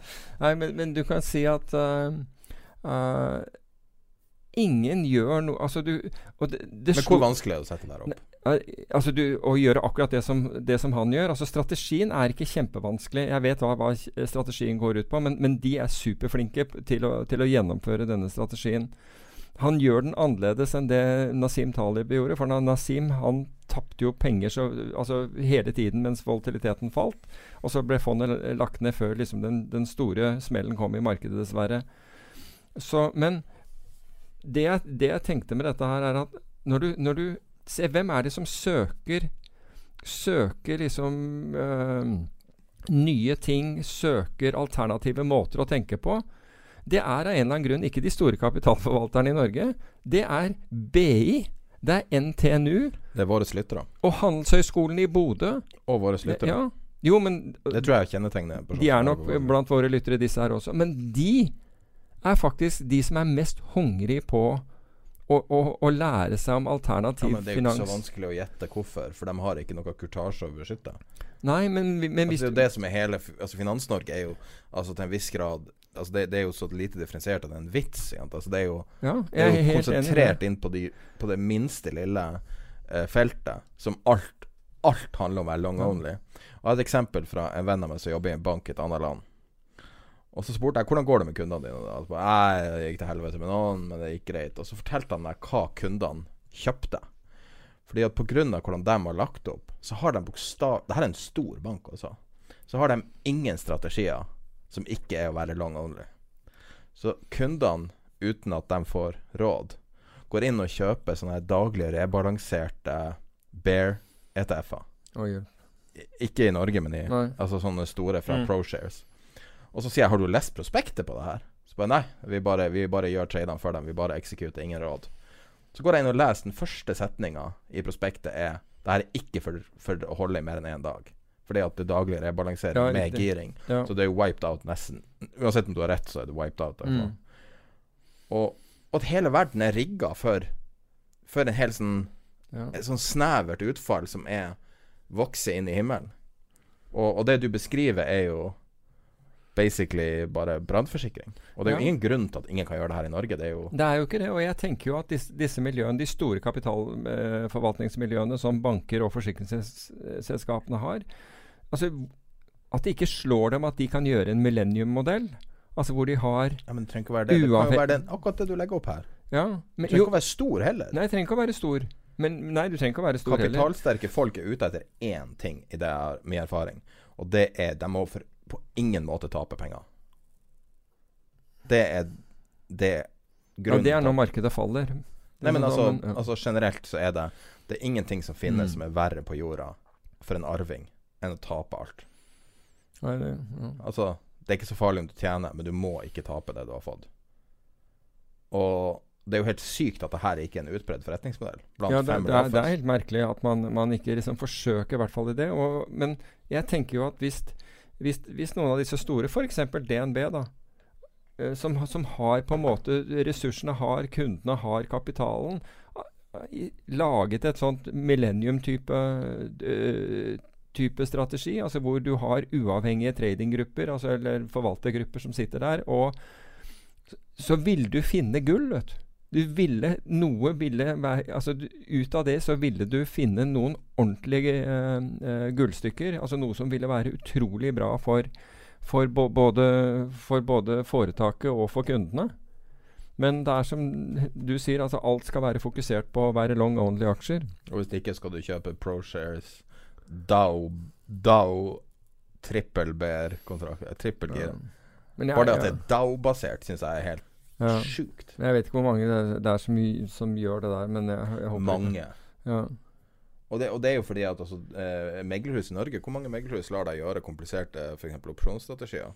Hvordan finner du telefonnummeret til DNB sin eh, Opsjonsdesk? Sin, eh, ja, opsjonsdesken. Den ligger ikke på hjemmesida deres. Jeg husker det. Det var noen som spurte. Da måtte du bare gi nummeret. Ja. Fordi at du, hvis du ringer dem de ved, altså, Det virker å være et ikke-eksisterende forretningsområde for dem, og det er Norges største bank. Ja, jeg, jeg vet ikke, for jeg har aldri prøvd å ringe dem via, via sentralbordet, men øh, Men øh, det er jo Altså, både DNB altså Siste tallene som jeg fikk, i hvert fall fra, fra Oslo Børs, det var, jo, det var jo før det ble solgt. Det var jo faktisk at øh, det var SE-banken Stockholm som var den største i norske aksjeopsjoner. Ja. Så um, Men ja, men allikevel, det, altså det er marketmaking av og, og, og så videre. Men, men poenget er ikke at man skulle nødvendigvis kjøpe og, og selge norske aksjeopsjoner. Altså Her er det snakk om å få beskyttelse, kunne handle i de mest dype markedene i verden, som er amerikanske og europeiske markeder, for, for å skaffe seg beskyttelse sant, mot Ja, hva, hva som helst. Men det kunne jo vært uh, fint hvis det var mulig å ha mer direkte beskyttelse i Norge også, men, Ja men man trenger ikke det. Eh, Nei, ikke nødvendigvis. Eh, Altså, da er det jo lokale forhold som, eh, som påvirker, hvis det er kun Oslo Børs som utvikler seg negativt. Ja. Nå er det vel ikke så mye lokale forhold lenger. Jeg vet ikke hva som er lokalt lenger. Seriøst. Nei. Og norske, norske boligpriser. Det er ganske lokalt når liksom oljeprisen tryner og aksjer aksje, mens Oslo Børs de, de, de, når, vi hadde det, det er ikke I dag er ikke en av dem, men vi hadde jo det for flere som påpekte det her forleden. Hva er det som skjer? Ja, det er som, eh, Oljeprisen er i fritt fall, og, aksjer og Det er en i chatten drev og deler det bildet av uh, Oslo Børs ligger ja, oljeprisen er ned 11 og Oslo Børs er opp 1 eller Ja, noe sånt. annet som ja. helt ulogisk. mm. Så um, Men uh, det er bare en ny hverdag, rett og slett. Altså. Det er det Mm. som uh, alt kommer tilbake til. Du sier her at trading uh, Du har skrevet det inn som tema. Jeg aner ikke hva du mener med trading avpasser farten etter forholdene. Men det er jo litt uh, det å snakke om, ikke Ja, det er jo det der at uh, Det var noen som spurte hva, hva, hva mente jeg med det. Og det, det jeg mener med det, er at hvis du kommer fra et Hvis du kommer Altså, du har lært deg trading i en tid hvor børsen svinger med mindre enn 1% om dagen. Og så går vi til en tid hvor børsen svinger med med la oss si 3, fi- 3 om dagen, så er det klart at det du må gjøre, er å redusere størrelsen på posisjonene dine for å få det samme utfallet. Altså hvis du, hvis du kjører med like stor, stor eh, eh, eksponering, risiko, Uh, eller eksponering, som, som du hadde da, da børsen svingte en halv prosent om dagen, så blir det enorme svingninger ut av det. Så rett, det er jo rett og slett det der du må finne din komfortsone. Hvor er det jeg føler at, at jeg kan henge med og tape risk? Eh, og, eh, henge med og, og, og, ta den risikoen uten at jeg, uten at jeg kjenner det prikke i huden og, jeg blir blek og uvel av, uh, av, av, svingningene. Så du må bare rett og slett ned i, uh, i uh, posisjonsstørrelse. Avpasse farten etter forholdene. Uh, I den uh, Vi fikk noen spørsmål jeg la inn på chatten om det var noen som hadde ting de ville snakke om. Så det er en ting som hadde Det er veldig sånn konkret spørsmål til deg. Og det var hva er dine sjekkpunkter når du skal gjøre en trade? Og det er ganske interessant. Altså Sjekkpunktet er, er, å se Og det er et veldig godt spørsmål. Og svaret på det er at, er at den, det jeg er i ferd med å gjøre, faktisk oppfyller de, alle de kriteriene jeg har for akkurat den traden. Altså fordi Nå trader vel bare du algoritmisk? Ja, men du kan si at det er matematikk bak det. Men det, det, spiller, det spiller ingen rolle hva det er bak det. Hva, men det viktigste er at, er at det oppfyller kravene. At det faktisk er kravene oppfylles før jeg liksom Ja, dette er en sånn situasjon, derfor gjør jeg sånn. Og at det ikke er fordi du har stirret på skjermen i to timer, og så har ingenting Eller, eller lenger. Noen ganger så, så stirrer du på skjermen hele dagen, det blir ingenting. Det er relativt sjelden akkurat nå om dagen. Og andre dager så og, og, andre dager så kan du stirre på skjermen i syv timer, og så skjer alt på, på, på, på fem minutter. Og så er det ingenting etterpå. Så det er rett og slett det derre Én, forstå at mulighetene ikke er uniformt distribuert. Altså De kommer ikke med tre minutters mellomrom uh, gjennom dagen eller 15 minutter. De kan plutselig alt dukke opp på, på, på, på et gitt tidspunkt. Men at, at de tingene du gjør, oppfyller de kravene du har satt til akkurat den type, uh, ty type posisjon eller den type trade du skal gjøre. Men gjør du sanity check helt ned på det idiotiske at uh, når du går long, så er det nøyaktig det du vil gjøre? At du ikke gjør sånne tabber? For det er jo et det er jo ikke uhørt at folk kjøper noe de har tenkt å selge. Nei, du kan si at jeg, Nei, jeg, Spesielt i valuta. Jeg, jeg, har ikke gjort den. Ikke, I hvert fall ikke på lang tid. Men jeg har gjort andre ting. Jeg, glemte, en, glemte en ordre i markedet. I olje. Uh, det var ikke smart. Uh, vei, for det var en kjøpsordre, og det var på vei ned når vi, når vi dundret ned gjennom 20. Um, helt idiotisk, ikke sant? Og da, nå står det en lapp der, sjekk det før du mm. går fra, går fra øh, skjermen. Og så var, det, så var det en annen her en dag, og det er Jeg har med ett klikk Hvis jeg ønsker å flytte kursen La oss si at jeg ligger og skal selge på 12, men jeg ønsker å flytte den opp til 15 så trenger jeg bare å klikke på 15, så flytter den, opp, den selgekursen seg opp fra 12 til 15. Jeg trenger ikke å gjøre noe annet, jeg bare klikker en gang der. Og det som skjedde her, var at markedet gikk så fort at jeg, ble tatt, at jeg både solgte på 12 og 15. Skjønner du hva jeg mener? Altså, de, så fort gikk det gjennom. Så jeg fikk liksom den, den dobbelte eksponeringen oh, ja, det jeg skulle ha. Bokstavelig talt en tid av den brukte Altså rekkefølgen på å slette tollordren og Ja, ikke sant. Så, så, så, så, ja. så i det øyeblikket ja, i, ja, nettopp i det øyeblikket jeg trykket på 15, da, da sto jo fortsatt tallet på Da selgeren på 12. Men innen den kom inn på 15, så var 12 uh, solgt på. Og da ja, solgte jeg 15 også. Men det er jo programmering av makroen, eller hva du bruker. Nei, det er rett og slett hastigheten på Ja, men hvis du hadde programmert sånn at du sletter 12 før du legger inn 15 det er sannsynligvis at, at rekkefølgen din var at du la inn 15 nei, før altså, du tok bort 12. Altså, nei, du, du, du, skal Nei, det var ikke det. Fordi uh, greiene var at markedet hadde Altså, det var ikke blitt, blitt visuelt for mitt øye ja, at 12 var tatt ut først. ikke sant? Så fort gikk markedet gjennom der sånn at jeg så ikke at det hadde skjedd. Crazy. For det, det, tar jo noen millisekunder før, før, før du, du, faktisk oppfatter det. Men, uh, men det, den viktigste er at, du, at det oppfyller alle de kriteriene du har satt for å, for å foreta den ty type handel. For det er der du gjør feilen. Det er den, den feilen du gjør når, når, du begynner å synse utover det og si at ja, men jeg tror dette er greit likevel. Ah, her, dette er et bra nivå uansett. Der, er det, der, der, der går det penger. Der, det koster penger. Mm. Så uh, Vær sikker på at du oppfyller kriteriene for å gjøre akkurat den, den saken du skal ha. Og så er det selvfølgelig det, alltid den muligheten for at markedet gjør det motsatte. Men setter du exiten din før du går inn? Alltid, alltid, alltid? Nei. Men jeg vet stort sett hvor den, hvor, hvor den skal være. Det er igjen avhenger av volatilitet. Ja. Hvor mye det svinger. Uh, vi kan kanskje avslutte med bare sånn uh, På uh, altså SMP-ETF-en, SPX, Mm. har den høyeste short SPU. Ja. SPX er, fem, er, er indeksen. Ja, sorry. Ja. Uh, Det er futuren. Det er futuren som har uh, short- short-posisjonene. er det det? Ja. Den som er mm, den er Jeg så bare short-oversikten. Ja, den er, den er den største siden februar 16. Det er fra COT-dataene ja, som kom før, jeg det var før short, helgen. eh, nei, jeg trodde det var shorten på ETF-en. Det er, det er futurene. Ja, akkurat. Det er Commitment of Trade-rapporten. det var derfor jeg blanda det. Ja. Um, men uansett, det er veldig høy short på indeksen nå. Høyeste siden februar 16. Så det er penger som vedder mot. Det er liksom skin in the game. Ja. Betyr det noe som helst?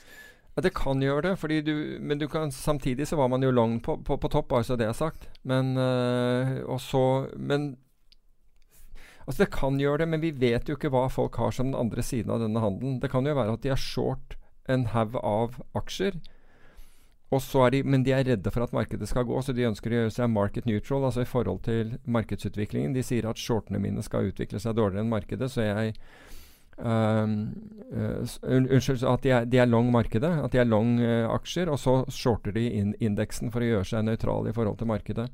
Eller- Men, eller det kan rett og slett være som Paul Singer. Ikke sant?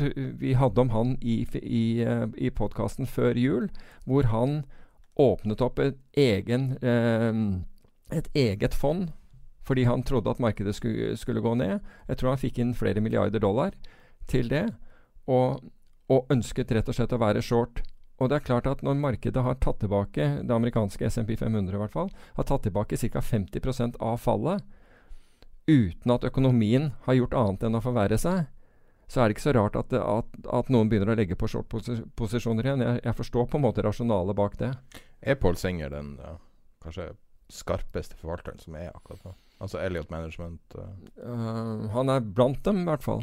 Han er blant dem, Han Men er jeg, jeg, ser en, jeg, jeg ser mange uten moral. Eller han, han virker ikke å ha mye compassion i seg. Nei, han virker ekstremt tørr. Han er jo ekstremt sånn Nei, jeg har aldri hørt noe han har gjort noe galt. Liksom. Altså, Nei, at han har gjort heller. noe Han har fucka opp. Nei. Ut, han er jo en eldre mann. Han er jo en sølvrev, liksom. Så han har jo han har vært med ei stund. Og jeg har egentlig aldri hørt noe at han har tabba seg ut. For de fleste forvalterne Ja. har jo et eller annet som Som er litt sånn eh, Går mot eh, myten, da. ja. Men han får relativt lite oppmerksomhet blant superstjernen. Men han er ikke veldig ofte ute og sier ting heller.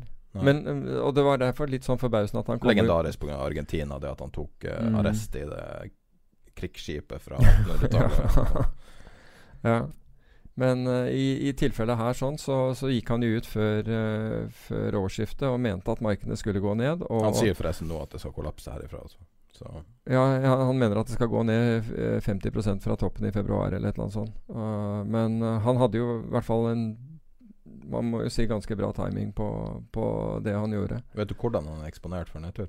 Nei. Gjennom opsjoner, eller? Nei, jeg tror nok han shorter markeder mer. Altså Det var Bill Ackman som gjorde den, den uh, traden med, med CDS-kontrakter og opsjoner som ga 2,9 milliarder dollar i gevinst. Nå i uh, Ja, i, ja. Uh, er, er det dyrt, altså når vi snakker om universer, ja.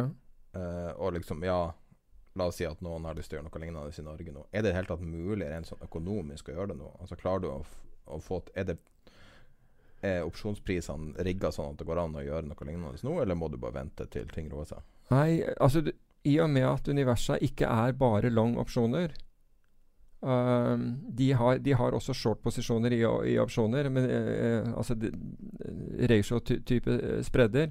Så går det, går det fortsatt an å gjøre. Ja. Men du må manage risken din, og jeg ville, ville tro at du, du nok må stille mer sikkerhet nå. Altså Så sikkerhetsmessig så krever det mer, fordi volatiliteten er høyere. Ja, på, ut, på utstedelsessiden. Men uh, Men øh, Og så er det vel det ja, Markedet er ikke blitt Det er blitt bedre nå. Volatiliteten har jo kommet ned, og når markedet går opp, så så blir spreddene, altså differansen mellom kjøper og, og selger, uh, tightere også. Slik at det er blitt mye rimeligere å gjøre ting nå enn for, Veksten er kommet ned under 40. Ja. Uh, ja, enn for, eh, for eh, tre-fire uker tilbake. Definitivt. Og det er jo veldig bra det som har skjedd i forhold, forhold, uh, i forhold til at markedet har roet seg. Sorry, den, den stengte under 40, og jeg ser den har åpna nå for handel over 40. ok, Men det, da, det, det, betyr at SMP er videre ned fra der det var i dag morges? Futuren er 1,7. Ja, ok. Så det, det forklarer med det. Men uh, Så det, det, du har uh, Hva du har nå? Det, vil si at du har uh, ca. Den priser inn en bevegelse, en normalbevegelse, på ca. 2,5% per dag. Det var på 85,47, hva det betyr. Hva sier du? Det er en pika på 85,47. Ja, da er du oppe i 5% per dag. I, snitt. I, ja, altså i to av tre dager skal du bevege deg med 5% på dagen på en indeks bestående av 500 aksjer. da, da, vet du at det er krisetider. Men du kan si at det, er, det, var ikke så mye Eller det var jo krisetider, men først og fremst så var det fordi så mange var short volatilitet. Folk hadde jo utstedt opsjoner hele tiden. Folk hadde solgt forsikringer gjennom alle mulige finansielle produkter, og i tillegg gjennom, gjennom opsjoner direkte. Og det var jo det som sørget for at, uh, at det ble så vilt som det ble. Og sånn er det alltid i markedene. Folk uh, Folk gjør det motsatte av det som, er, uh, det som er, er, fornuftig. Jeg kommer ikke over at du kalte SPY SPX. Jeg skjønner ikke hvor Det var ikke som jeg hadde sånn hjernekortslutning. Jeg har tenkt på det hele tida. Ja, SPX-en er jo selve indeksen. Ja, SPY jeg, hadde skrevet SPX her, så derfor bare leste jeg det. Ja. Det er litt vanskelig å glemme SPY. Og futuren heter ES. Og så ja, i øyeblikket er det ESM 0, som står for juni mm. 20. Det vet jeg altså. Takk. uh, CF er vel olje. Nå ble jeg usikker på om det var VT1. Er ikke det VT1? CL. Nei. Som future? Jo. Faen. Jo, jo. jo, jo. Det her, det her vet jeg. CL, ja. Helvete. Ja, ja. CL.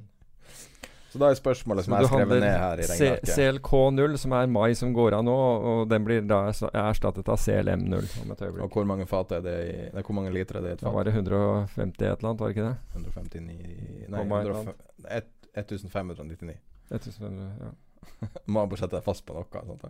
Men da er spørsmålet som jeg skrev i regnearket til deg, hvor fucked er vi egentlig?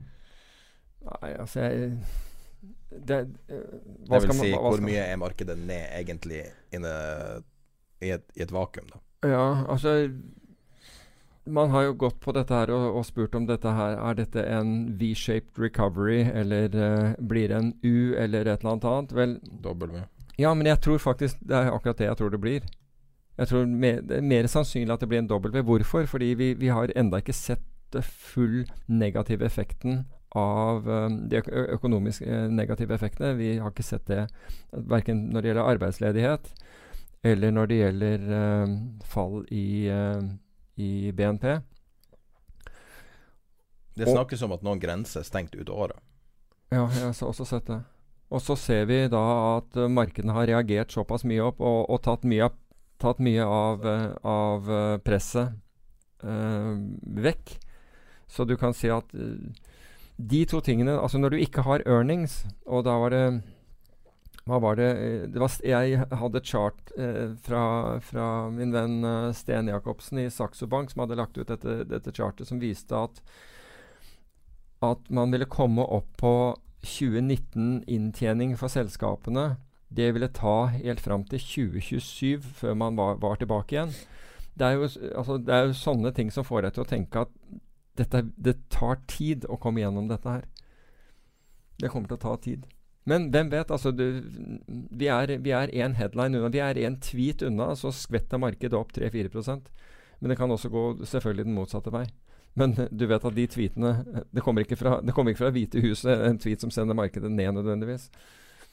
Man kan jo kjøpe seg tilgang på Firehousen fra Twitter, sånn at du får en sånn mikrosekund, mi, eh, millisekund-fordel. Og det gjør jo HFT-er. Ja, ja. ja.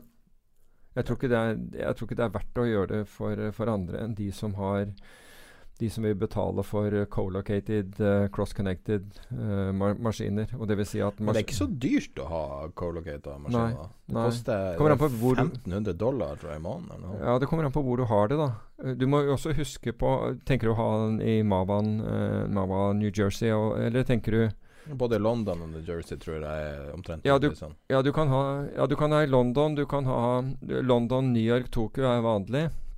Men i USA så er det jo mange connecting børser, ikke sant? Og du Er ikke den 30 børser i USA? Nettopp. Og du skal så Og det er litt Derfor hater jeg når jeg leser overskrifta 'Børsen i New York'. Ja. Det gjør vondt. ja. ja. Men uh, Og så har du dark pools og alt dette her i, i tillegg, Ja, så både private og Så en full infrastruktur Altså, jeg tror Altså, du kan leie Du leier deg jo inn, da, ikke sant, på, på dette og, og betaler for det. Men uh, Hvor nå er det matchingen til Nyse står? Er det på Manhattan? Nei, den er i New Jersey. Det er det. Mava. Ja. I New Hva, Jersey. jeg, altså, jeg, jeg, jeg, sist så snakka vi om at han eh, Han der karen som står på New York Stock Exchange-gulvet, at han hadde vært smitta av korona. Mm. Uh, og så begynte jeg, å, å sje- eh, Han kalles uh, ny, eh, Wall Streets Einstein, tror jeg. Det er mest fotograferte mann. Mm. Ja. Uh, men um, Peter Tuckmann. Ja. Men så, så begynte jeg å sjekke han. Bare lurte på hvordan han jobba. Og så jobba han da i uh, et uh, Hva det heter Qua Quattro Securities. Mm. Og Quattro Securities er da basically folk som står Han er ikke trader på egen bok, han trader på, på vegne av kunder, men han funker som en slags megler, eller hva man skal si. mm. Men hva i alle dager kan være fordelen med Ja, å stå dag ut og dag inn på Foran en spesialist der, ja. Når, når, når du har supergodt matching. Se her. Ja. Her er dem som står. Det er jo ganske mange de har Mm. også. Så de må jo ha kunder. Hva er fordelen med å stå med en tablet i handa der? Det må jo Jeg hadde én dag som det der på American Stock Exchange. Du var det. Ja. Oh my god. Først uh, marketmaka var det Kodak-opsjoner på, på morgenen. Og Du marketmaka på, på beina. Altså, du sto oppreist. Ja. Herregud, Ja, ja. slitsomt. Men bare for Kodak. Uh, nei, ja, på, på, på morgenen, og så, så indeksen på, eh, som var American Stock Exchange-indeksen på, på ettermiddagen. Ble du mør i ryggen av det? Eh, nei, men, men uh, Det er klart at de så Altså, jeg gjorde dette for Spare Lead and Kellogg. Og, og de så jo at det var et nytt ansikt, så det var jo de som prøvde å angripe deg ordentlig uh, for å få deg til å gjøre feil. ikke sant? Be deg kvotere buy rights, f.eks. Hvor du må Hvor du, du stiller pris på den underliggende aksjen og, og opsjonen samtidig. Okay. Så på en buy right så er det så er det salgskursen på aksjen og kjøpskursen på opsjonen som, som du må legge sammen i hodet. Så må du ha kjøpskursen på aksjen og salgskursen på opsjonen, og det blir spredden. Og, så de sto og hamret løs på sånne, sånne Er kombinasjoner. ikke det som er poenget med tableten, da? Ja, Det vet jeg ikke, men i hvert fall så, så, så, han som uh, Han partneren i Lead Kellogg, han, da, han bare gikk inn i pitten et øyeblikk og, og så på et par av de gutta og sa hvis dere, hvis dere tripper han opp, så, så kommer jeg tar dere. Altså Da skal dere få kjørt dere noe jævlig. Og da bakket de av. Det, det var jo nesten umulig å ikke gå i stå du, på, på, når du skulle regne dette her, og det, gikk, gikk i åttendeler i tillegg. Da kvartinger i, i, eh, i aksjene og åttendel i opsjonene, det var eh, Jeg fikk kjørt meg der. Ordentlig. Uh, McDonald's Nei, Burger King skulle lansere en konkurrent til Quarter Pounder. Som er da en fjerdedels pound. Royal with cheese. Og så kalte de noe sånn third pounder eller noe sånt. En Mhm. tredjedels pound. Og ingen ville ha det, for de trodde det var mindre enn quarter pound. En fjerdedel. Fire. Akkurat. Ja, det er det. Det var totalt mislykka. Ja. Eh, det er vel eh, litt sånn naturlig å, å gå i stå på de her tingene. ja, jeg fikk i hvert fall Jeg er enig i at din anekdote var litt bedre enn min. Ja, men jeg fikk, jeg fikk kjørt meg noe skikkelig. Jeg var, eh, jeg var god og svett. Men det jeg ikke fatter, eh, spørsmålet tilbake hva er poenget med å stå på gulvet på New York Stock Exchange, annet enn å stå i bakgrunnen Ah, jeg vet Jeg har ikke, har, jeg har ikke peiling. Altså, du har jo er, Du har jo fortsatt spesialistfunksjoner der, da, men jeg vet ikke hvem de det er er som ikke er ikke spesialister, de er jo brokere. Ja, jeg vet det, men du har jo, du har jo Hvert sted så har På hver booth er det jo spesialistene som får akkurat det, det produktet som står. Og de andre kommer da Ja, altså marketmakere på, på en måte. Ja, men spesialisten ser jo en ordrebok, ikke sant? Spesialisten ser en ordrebok, så han ser ordrebalanse og prøver å lage et marked ut fra det. Det var jo det som bl.a. skjedde i 87, ikke sant? Hvor, man ikke, hvor det var så mye salgsordre at de klarte ikke å åpne. Fordi de klarte ikke å finne en kurs hvor, hvor noen var villig til å kjøpe på. Det var, ikke sant? Volumet var så eh, matchingvolumet Altså Litt sånn som Facebook-IPO-en. Ja. Og, og, men du skal da finne den, og så, og så har du da the crowd som står der og roper til deg hva du er villig til å gjøre ikke sant, til enhver tid. Og så har du da de så på, på galleriet over så sitter de og taster disse andre som sitter da og taster og hører hva du sier, som taster det der inn, slik at det kommer på informasjonsstikkere. Så det var litt av et system. Det er sikkert blitt noe mer eh, Mens Nasdaq var full, fullautomatisert. Det fins en sånn squawk-tjeneste fortsatt, tror jeg, fra gulvet i Chicago. Gjør det ikke det? Jeg vet ikke. Mulig. Sånne ting. Altså, jeg, klarer nesten altså, Men altså gulvet i Chicago tar f.eks. Uh, Nå er det stengt, Mini altså, ja, ja, SMP 500. Jeg tror ikke det er verdt noe som helst. Et, ja, det var det. altså for, Vi hørte jo på Bunt uh, og Pitter og, og den type ting fra Life i London. Men uh, jeg, jeg, tror det er veldig lite av det nå. Er, øh, ikke sant, Ting foregår algoritmisk og upstairs. Men det er også litt sånn symptomatisk for resten av verden. Fordi at bare for noen få år tilbake så var det sånn hvis du hadde en Bloomberg-terminal, så hadde du en megafordel. Eh, Mm. informasjonsflyt. Du hadde informasjon det sekundet det, det kom. Du hadde bare et oversiktsbilde som dem uten ikke hadde. Du hadde kontaktinfo. Mm. Og bare liksom noen år senere så føler jeg at det ikke er en spesielt stor fordel lenger. Du har da den direkte kontakten, så hvis du er Ja. en broker, så greit nok, du kan ta kontakt med folk, og så er det en viss Det er en viss sånn innsteg for å ha Bloomberg-terminal, sånn at det er lettere kanskje å komme i kontakt med Og det, det, En det, det har jo et system ikke sant, hvor du kan be en, en hel Altså sette opp en liste over, eh, over folk du vil kontakte med priser. Ikke sant? Altså- Selvfølgelig. Altså på execution er én ting, Ja. men når jeg snakker om informasjon ja. At uh, ting er blitt ganske levla ut. Altså det blir levlet ut, men du har regnefunksjoner på, på Bloomberg som på en måte er blitt markedsstandard. slik okay. at hvis du skal f.eks. regne prisen på en opsjon da, basert på en volatilitet du har handlet på, og en, og en kurs på det underliggende, så tapper du det inn i Bloomberg, og så, bruk, sant? Så, så er vi enige om å bruke eh, det tallet som kommer ut der. Akkurat. Så, og da slipper du liksom å diskutere det frem og tilbake. Er det verdt 200 000 i året? Nei, det er klart, hvis du handler er nok, hvis du handler nok så er det jo Så, er, så kan det være det. Hvis du, handler, altså hvis du er en stor marketmaker, så er det nok det. ikke sant? Ja. Men vi ville kalle ut til interdealer-brokere, da, som, som megler mellom alle mulige meglerhus og marketmakere. Vi ville kalle ut til de, ikke sant? Da vil du få mye skarpere priser enn om, om du tok kontakt med én. Men hva skal til for at du får uh, Bloomberg hjemme nå? Hva som skal til? Ja. Penger. Nei, nei, men Vil, villigheten til å, til, å, til, å, til å bruke så mye penger på det. Ja, fordi at det er litt vanskelig når du er tredd i dine egne penger, og se hva verdien er. Mm. Det er virkelig ikke helt obvious. Altså. Nei, altså du må regne det du, Men du må jo ha et volum som, som tilsvarer det, og du må da kunne bruke Altså Hvis du skal bruke sånne funksjoner som interdealer-brokere, ikke sant, da har det, har det et, eh, et poeng. Men du, du kunne ringe dem òg, det er ikke verre enn det. Nei, nei, men det er det jeg mener, at, at det, ting har blitt jevna ut veldig. Da. Det Ja. som var en enorm fordel, la oss si finanskrisa, der det var en stor fordel med den informasjonsflyten du hadde der.